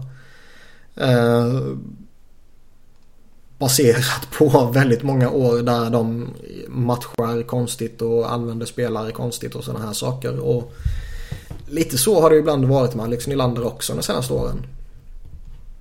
Eh, trots det så har han toppat interna poängligan två år i rad och förra året så delade han på poängligasegern i hela JVM. Så man man ska ju bara släppa lös honom fullkomligt. Låta han spela sitt spel. Låta han käka hur mycket tid som helst i PP och så vidare och så vidare. Eh, gör man det så har man ju en snubbe som kan dominera hela JVM. Nu kommer han ju från en säsong som det har ju inte gett dundersuccé i AHL direkt men det har varit lite skadeproblem och lite småskit. Och, eh, Personligen ser jag ju det bara som positivt att han för sin egen del då så att säga om man eh, bortser från Sveriges betydelse. Mm. Så ser jag det bara som något positivt för honom. Han går ner, spelar JV mot juniorer, jämngamla i ett bra eh, lag som bör ha goda chanser att utmana om guld och eh, som sagt bör väl verkligen få en topproll där. Och få lite positivt eh, go och självförtroende och sen komma tillbaka till Rochester efter JVM och ta ny fart liksom. Jag ser det bara som positivt. Och framförallt eftersom det är på hemmaplan också. Mm. Ja, JVM spelas ju i Buffalo som sagt. Och något annat du vill säga om Sveriges lag? Alltså man har ju en forwardscore nu när Lander kom in som är fantastisk. Med Elias Andersson och Elias Pettersson. Pettersson gör ju... Alltså han är ju... Han är ju skitbra här hemma i Växjö. Vilket ju är, eh, bortsett från NHL och KHL, förmodligen världens bästa lag. Eftersom SHL rimligtvis är tredje bästa ligan och Växjö rimligtvis är bästa laget i tredje bästa ligan. och där toppar han poängligan här hemma och hela det här köret. Så han är ju som junior. Det är ju, fortsätter han i den här takten så kommer han ju ha jättefina chanser att, att ta juniorrekordet och hela det här köret också. Mm. Men eh, det är ju ändå backsidan som man sneglar lite extra på. Rasmus Dahlin är ju såklart det, det stora namnet. Mm, sen, fick, hålla egen, fick hålla egen presskonferens. Ja, och han kommer ju vara extremt uppvaktad när han går borta i Nordamerika där också. Eh, Timothy Liljegren har ju... Ja, att han följer så långt som han gjorde i, i, i somras. Så Toronto skrattar sig överlyckliga rimligtvis. Han har ju ett fynd för dem så pass sent. Erik Brännström ser ju jätteintressant ut också. Och en annan first rounder. Och Linus Högberg har ju spelat till sig och hållit en ordinarie tröja här i Växjö även om det har varit lite skadeproblem och avstängning och sånt här som har gjort att det har varit lite rotation i försvaret. Och Jakob Moverare tycker jag ju... Ja, han har ju gått bra sedan han flyttade till Nordamerika. Mm, det är ett namn som kommentatorerna kommer att älska. Mm. Fy fan. Uh, så jag tycker ja. Sverige, alltså... Jag tyckte även innan Nylander uh, så tyckte jag det var absolut en, en stark guldkandidat. Efter att fått in Alexander Nylander så uh, ser det givetvis bättre ut. Mm. Ja, om vi tittar på Kanada nästa här då. Mm. Uh, som vanligt så har de ju ett namnstarkt och ett bra lag. Uh, flera spelare som man är sugna på att se och uh, ja, de kommer ju också utmana som de alltid gör. Däremot så ser jag inte dem som så stora förhandsfavoriter som man kanske är van vid att Kanada är. Nej. De har Carter Hart som är uh, helt jävla makalös. Och det säger jag inte bara för att han är Flyers prospect utan det är han. Han har käkat upp VOL så det bara sjunger om det. Mm, 96,1% är räddningsprocent eh, ja. efter 17 matcher. Ja, och liksom kolla den här målvaktsligan. Han tokdominerar jämfört med eh, tvåan. Och, eh, Everett Silvertips. Ja. Var ligger, vart är Everett Silvertips ifrån i frågan? Jag tror det är Seattle-hållet. Okej. Okay. Där någonstans. Mm. Om du menar geografiskt. ja, jo. ja. Um, och jag menar, får man turneringens bästa målvakt, vilket han har alla förutsättningar för att vara, så kan det bära till guld. Absolut. Ja. Men... Eh, liksom, visst, de har bra spelare så här i... Dante Fabro håller jag högt. Nu drog han ju på sig någon liten skada här i någon träningsmatch och lite osäkert kring vilken status han har. Mm. Uh, Jack Bean. Ja, han är intressant. Cale McCarr ska vara intressant och Victor Mete. som inte är svensk. Ja. Han, eh, han har ändå lirat NHL med Montreal så jag menar han ska bli intressant också. Och de har några sådana här eh, forwards. Alltså Brett Howden, Michael McLeod, Taylor Radish som var med förra året och gjorde några baljor. Sam Steele förväntas ta en stor roll. Tyler Steenbergen uh, bör kunna ta en stor roll. Och Adam väldigt... Foots kid är ju med också. Ja. Cal Foot. Många är ju lite insnöade på Jordan Kuru också. Att han behöver ta den ledande rollen i Kanada. Men det jag känner är ju de har inte den här liksom offensiva ledaren. Mm. Men de har en Boris. Ja, de har en Boris så det räcker långt. Nej men liksom, du vet, de, de har en jävligt bra målvakt. De har en bra, inte fantastisk, men bra backbesättning. Och de har bra djup i forwardsbesättningen. Men alltså, de senaste åren, man är ju nästan bortskämd med att de har en Matt Barzal eller Dylan Strome, Mitch Marner, någon sån där som... Nej, fan, han kan göra någonting utöver det vanliga. Jo, det är sant. Och det har de inte nu, känns det som, på förhand. Ja. Om vi går till USA då. Uh, där har vi, vad har vi mellan stolparna? Jack Ottinger som får första spåren där kanske? Det verkar ju så här förhandsspekulationerna vara helt öppet typ. Och att jag skulle väl inte bli förvånad om det avgörs under turneringen så att säga vem som tar första spaden. Att de mm. låter två stycken uh, Många... Få några matcher var där i början och sen avgörs det på vem som spelar bäst. Många college kids här kan jag säga. Det är endast... Nu har väl inte de spikat sin trupp men... Nej, några cuts eh, det är, Just nu så är det en, två, tre, fyra spelare. Bara som inte spelar i college-ligan i USA. Mm. Eh, ja, stora namn här. Kyler Yamamoto. Ja. Um... Han är ju inte stor till växten. Nej. Men... Nej men gre grejen är att USA har väl kanske den bästa forwardsbesättningen. Casey Mittelstadt. Han är ju eh, en spelare som ska bli jävligt intressant att följa. Dels för att det spelas i Buffalo som har hans rättigheter och så vidare. Och dels för att han är en fantastiskt rolig spelare och kan göra några eh, riktigt schyssta prestationer. Och de har ju en... Eh, eh, nu ska jag komma ihåg. Det var Mittelstadt och så var det Logan Brown. Och var det Yamamoto tror jag också. Som bildade en så helvetes farlig kedja i, i somras. Och som rimligtvis bara spelar tillsammans nu igen då. Och eh, slänga in dem där med en eh, Kiefer Bellows och en eh, Brady Chachak som är den, mm. den tredje Chachaken på uppgång och förväntas gå tidigt i sommarens draft här och ytterligare ett gäng forwards så... Nej, han, är rank, han är ju rankad runt topp 5 där. Ja. Så USA har något spännande på gång. Eh, backbesättningen är väl inte fantastisk. Eh, det har det inte varit de senaste åren men det, tidigare år har de haft med sig Varensky och McAvoy och de har mm. spelat typ eh, 48 minuter per match och, och har fallit väl ut under sju matcher typ. Mm. Har man flytt så funkar det under en kort period. Ja. Och idag, eller idag, i år har de ju i alla fall inte på förhand den där backen. De har en Ryan Lindgren som var med förra året och som ser vettig ut och Adam Fox kanske kan... Jo, men han är ju, Ryan Lindgren är ju mer en defensiv. Jo, yes. men han kan ändå vara den där ledaren som spelar 30 minuter. Det är det jag menar. Jo. Sen har de ju faktiskt en snubbe, Quinn Hughes.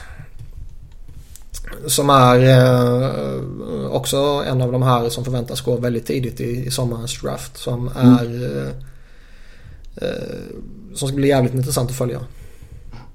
Ja. Över till eh, Ryssland då.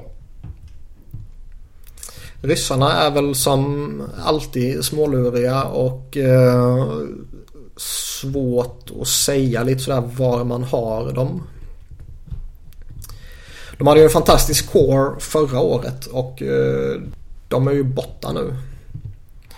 Uh, Ilja Samsonov är för gammal. Uh, Kirill Kaprizov är för gammal. Mikael Vorbjöv är för gammal. Och uh, Mikael Sergachev uh, spelar ju rätt OK för Tampa Bay så de vill ju inte gärna släppa honom. Men man har Andrei Svesjnikov. Men man har Andrei Svesjnikov och han kommer ju bli superspännande att följa. Nu känns det ju som att de flesta är tämligen övertygade att Rasmus Dahlin har sprungit ifrån honom om man pratar inför draften. Men ja. Eh, det var ju inte allt för länge sedan som det typ var helt öppet mellan de två. Eh, och han ska bli intressant att följa.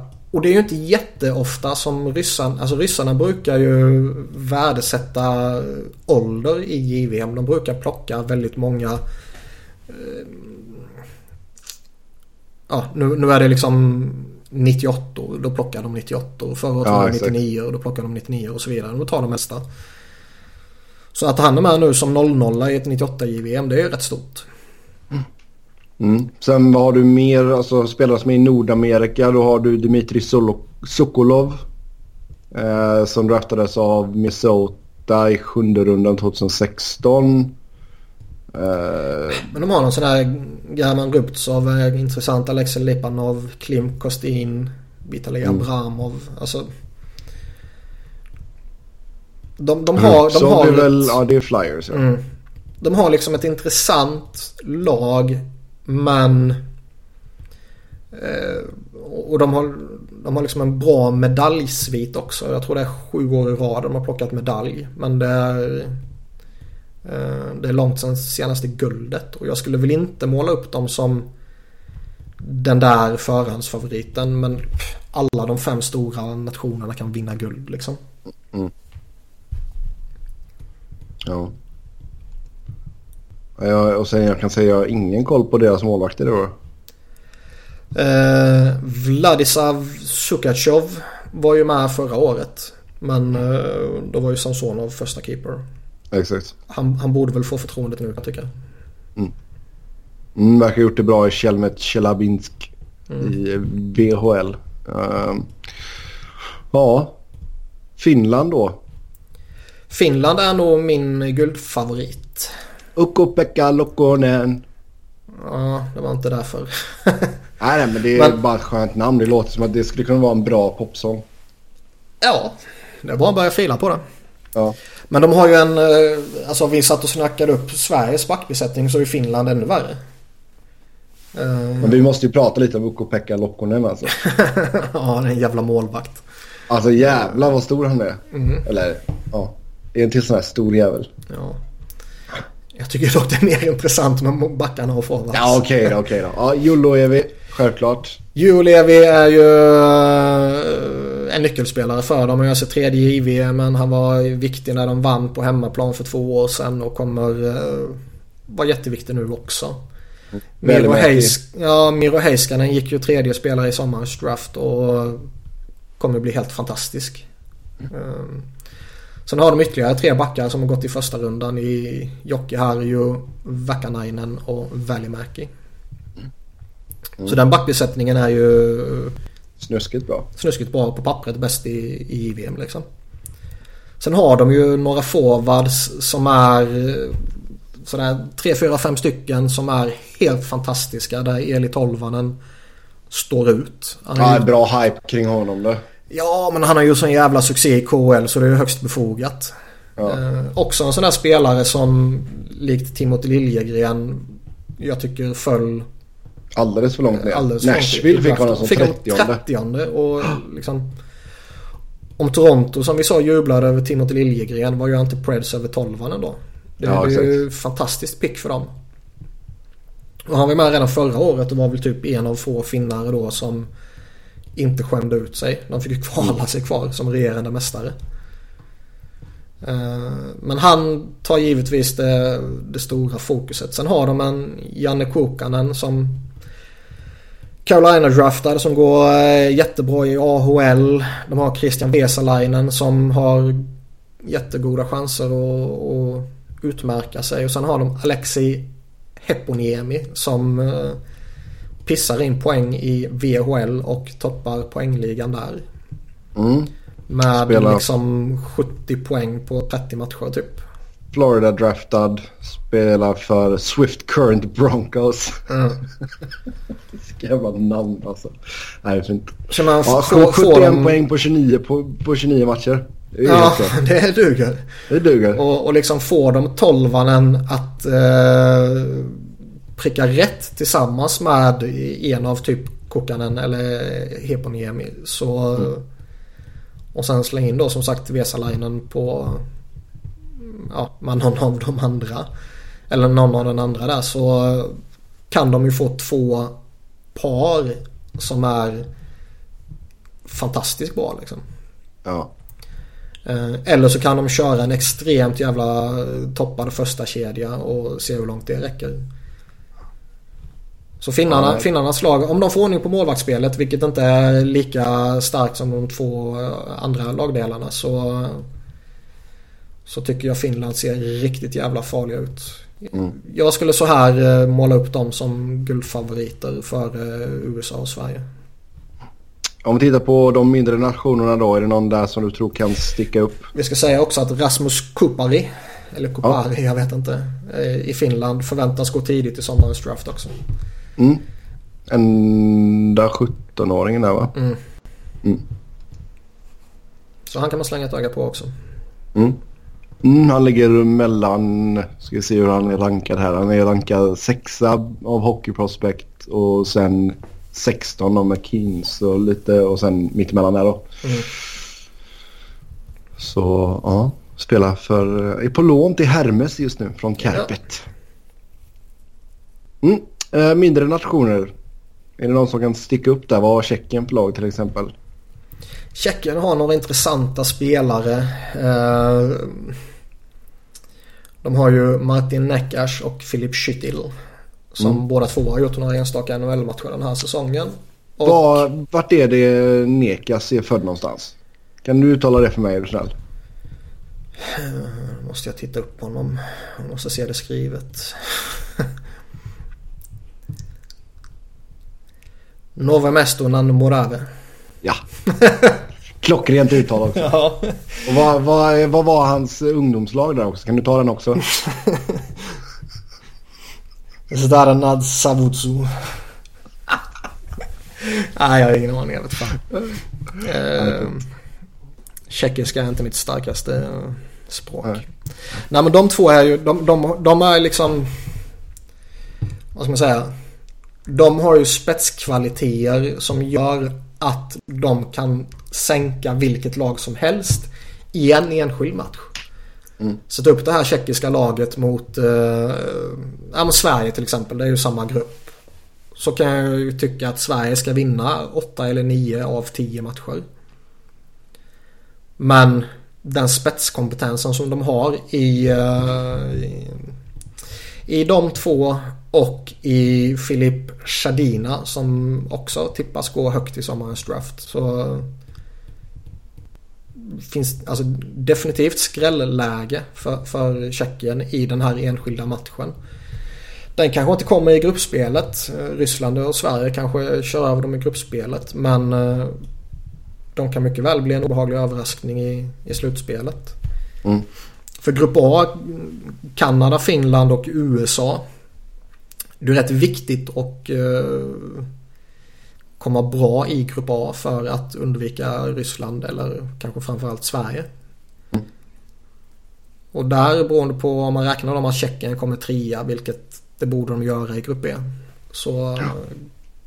kan det bli obehagligt för, eh, för det laget som ställs mot Tjeckien i slutspelet sen.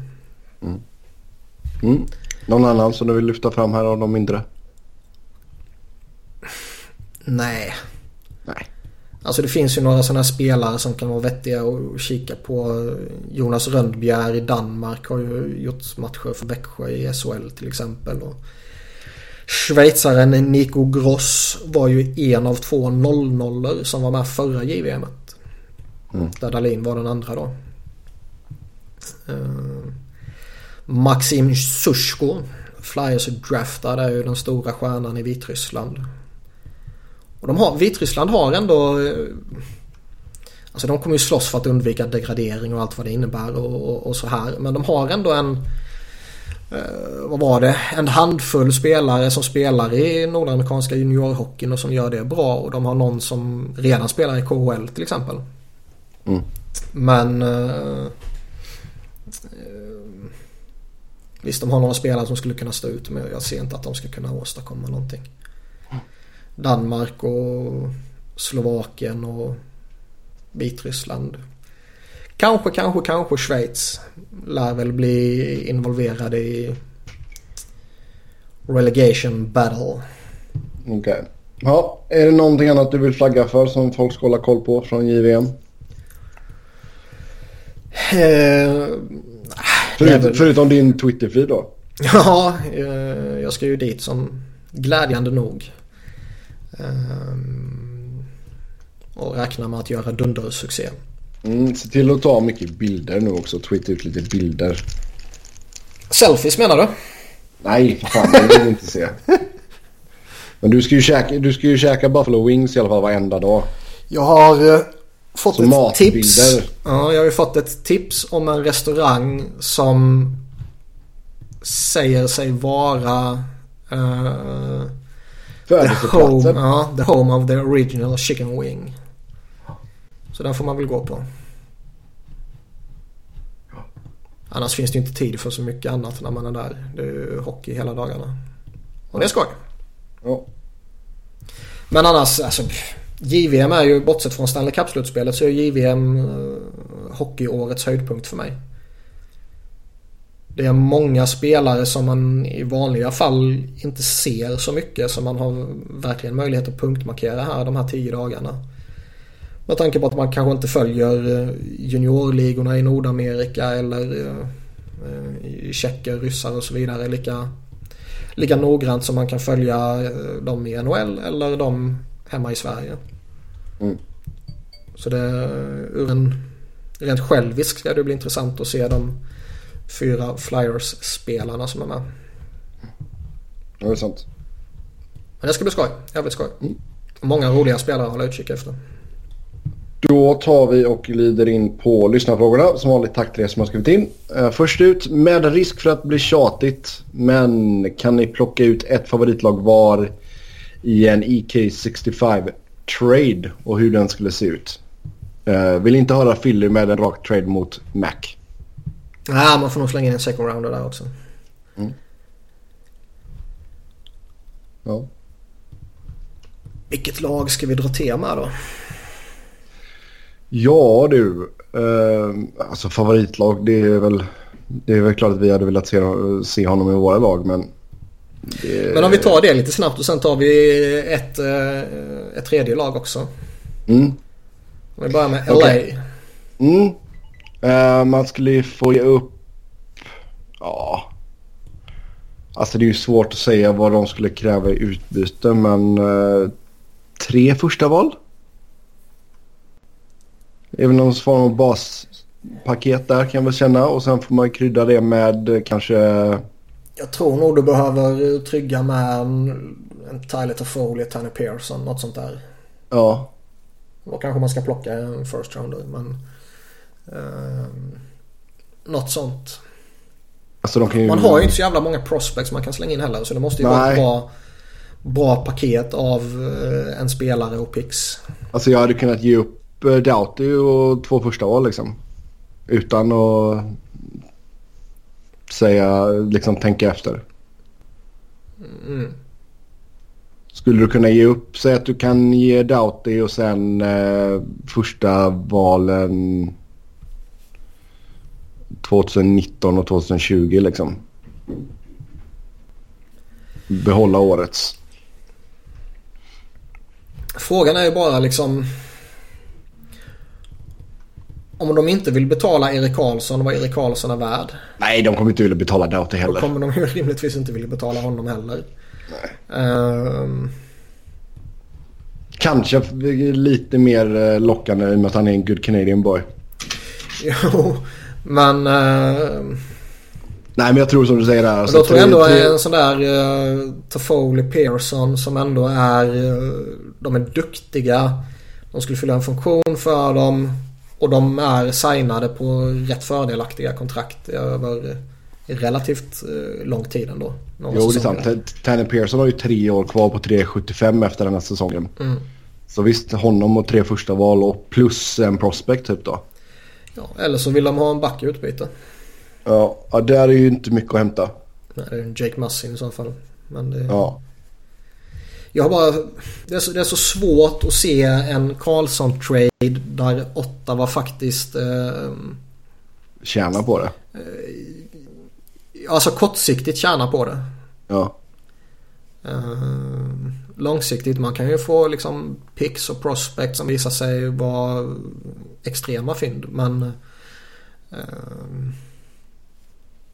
Du vet, plockar man bort Erik Karlsson därifrån så måste man ju peta in någon annan jävla back. Och om det är jo. Jake Massin eller Alec Martinez. Det, då är det ett hyggligt nedköp. Jo, jo, absolut. Och det känns fortfarande billigt. För jag menar, att du skulle skicka Martinez och tre första val liksom. Det känns fortfarande billigt. Nej, men då tänker jag i så fall typ uh, Toffoli, Martinez och Pix. Ja. Ja, det är sant. Och det skulle jag fortfarande göra. Ja. Sen är han ju så jävla svår i Karlsson också. Att man ska betala det här jättepriset för att få in honom och du har inga garantier på något sätt att han faktiskt kommer stanna kvar heller. Ah, han skulle älska dig. Um... Jo, jo, absolut. Men, men... Jo, men så, och sen hade du blivit tvungen att skippa, äh, skicka, skeppa Doughty. Mm. Uh, för att liksom så... ersätta Toffoli eller Pearson. Mm. För jag tycker ju fortfarande om man tar oavsett om man tar LA eller om man tar Flyers så tycker jag ju att inget av de lagen är ju i ett läge där de ska gå all in faktiskt. Uh, nu. Nej.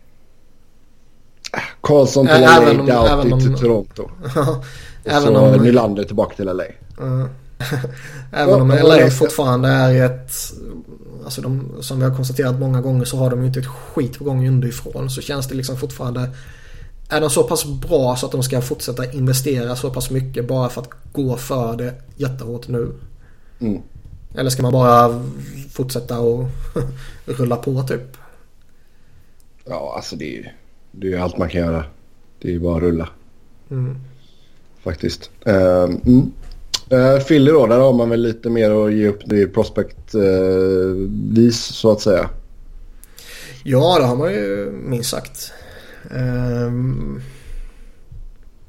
jag tror väl fortfarande att en, uh, en förutsättning för en trade tror jag ju är att uh,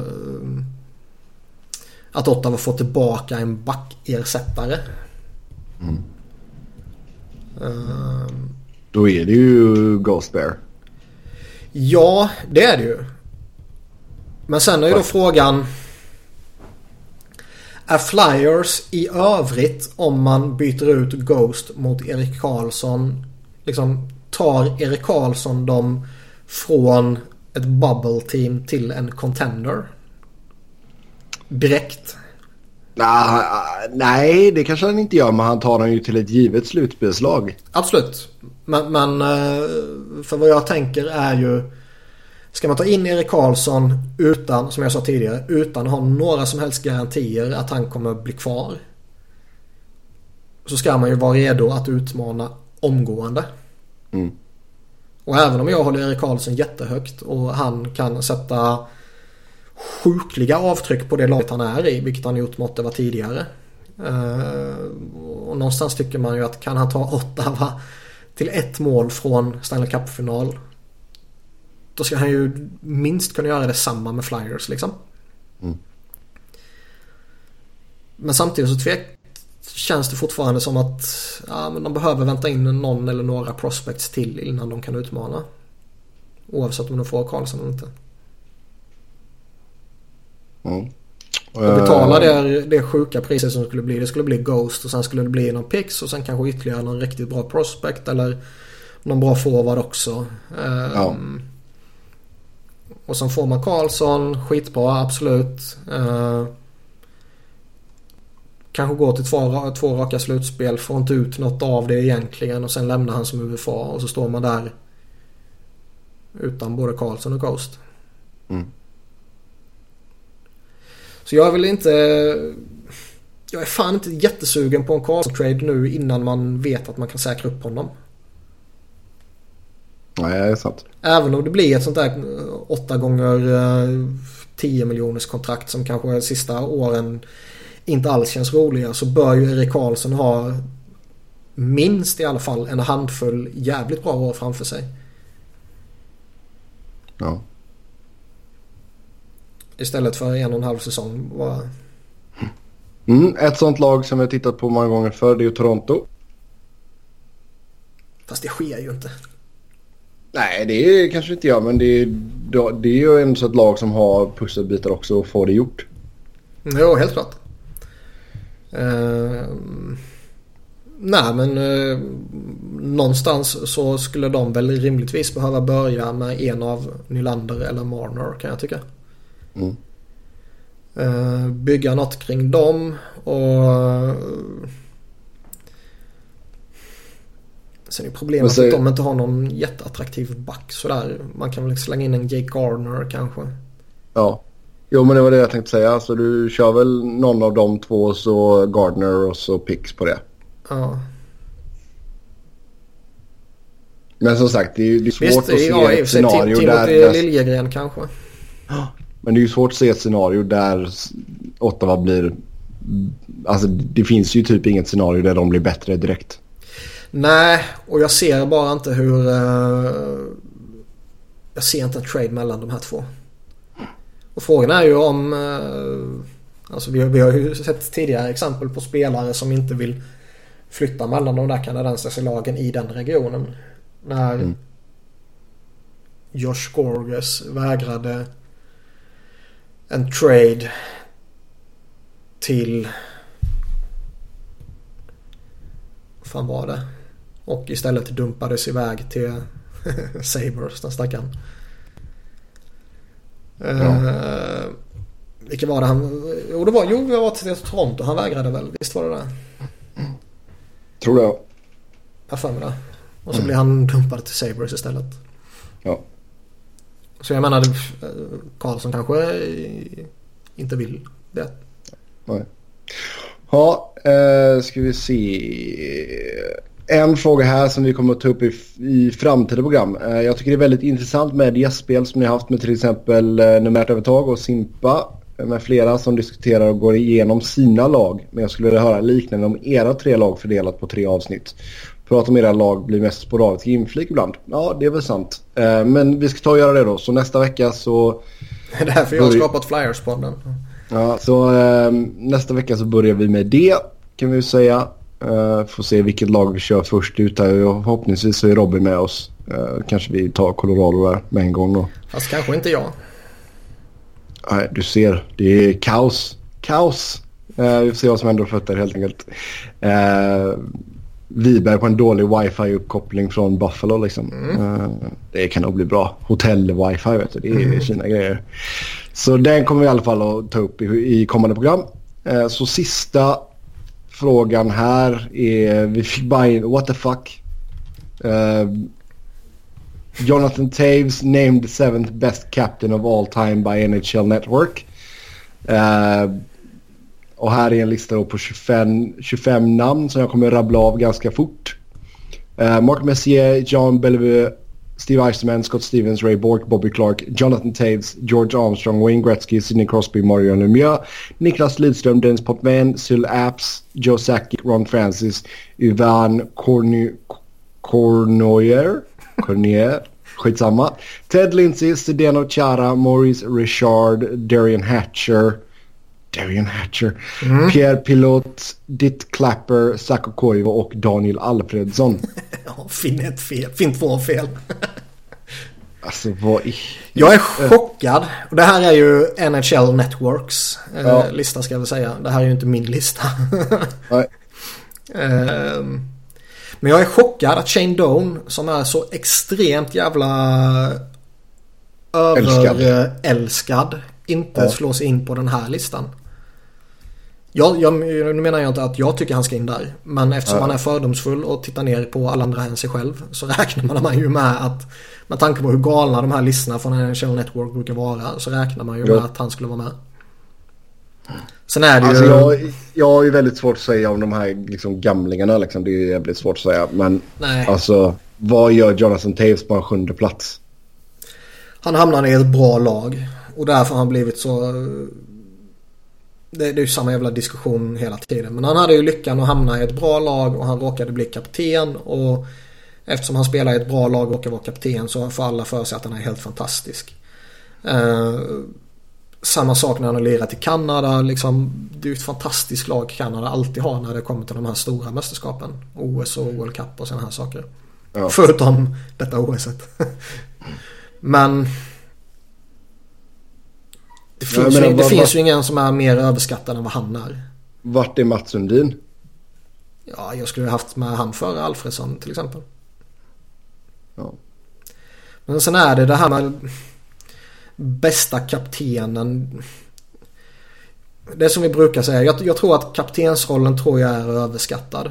Det kan ha varit en annan grej förr i tiden när kaptenen var en mer utpräglad ledare vid sidan av hockeyn. Alltså tog hand om spelare och, och var liksom samlingspunkten utanför det som hade med själva hockeyutgör, eller utförandet att göra. Där, eh, där han var den som drog ihop spelarna när man skulle ha lagaktiviteter och sådana där saker. Men idag så eh, är det något av de mest överskattade. Och idag bara slänger man det på den största stjärnan om man ska generalisera. Eller den kommande stjärnan. Men lite samma sak har det varit genom åren också. Det, att de bästa kaptenerna som av en slump också är typ tidernas bästa spelare.